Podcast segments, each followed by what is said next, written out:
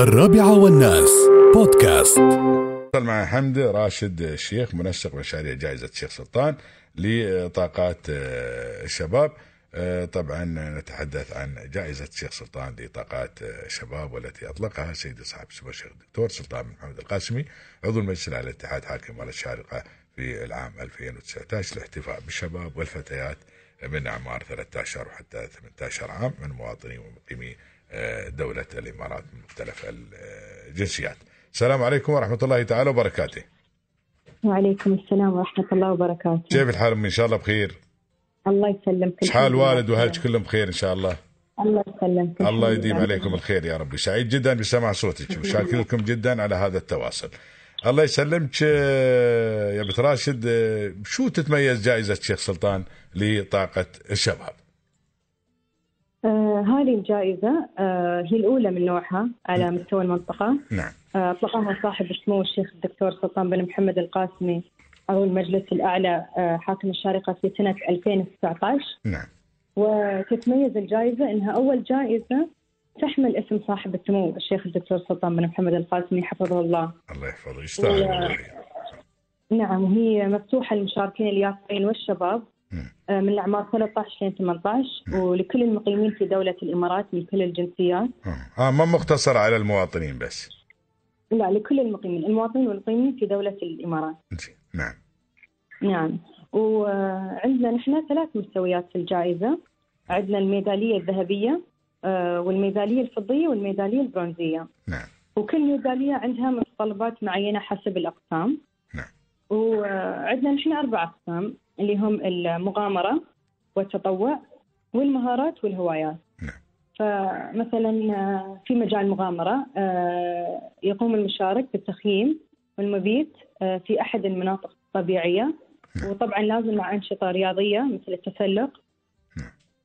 وعندنا قسم التطوع اللي هو يكون لازم يكون خيري أو توعوي. نعم. فمثلا آه، مساعدة بناء المدارس مصاحبة كبار السن أو المشاركة في الحفاظ هذا كله يكون خارج الدولة. ولا ممكن إنهم يسافرون خارج الدولة؟ هم ممكن يسافرون خارج الدولة بس لازم تكون مع شركة آه، في الإمارات. أها نعم. نعم. وعندنا بعد المهارات آه، مثل الطبخ أو التصوير أو كرة القدم والهوايات آه، مثل آه، الخياطة أو الرسم أو تعلم لغة جديدة. نعم. ووايد يسألون عن الفرق بين المهارات والهوايات والفرق هو أن في قسم الهواية الشخص يتعلم الشيء بنفسه. نعم. فهذا يشجع التعلم الذاتي. وفي المهارات آه، لازم يكون بإشراف آه، شخص مسؤول. آه وهذه الأقسام نعم. نعم. تفضلي. آه، وهذه الأقسام تتوزع على تقريبا آه، 68 مجال ممكن أن يشارك فيها اليافعين والشباب حسب مهاراتهم وميولهم. فهاي الجائزة تقام بشكل سنوي. ويوم السبت الماضي آه، تفضل صاحب السمو الشيخ الدكتور سلطان بن محمد القاسمي بتكريم الفائزين في الدورة الثانية من جائزة الشيخ سلطان طاقات الشباب. نعم. ما شاء الله كان عندنا 45 شابا وفتاة من ست جنسيات مختلفة. ما شاء الله ما شاء الله. نعم. آه متى بيتم افتتاح باب التسجيل الله يطول عمرك للدورة الثالثة من هاي الجائزة؟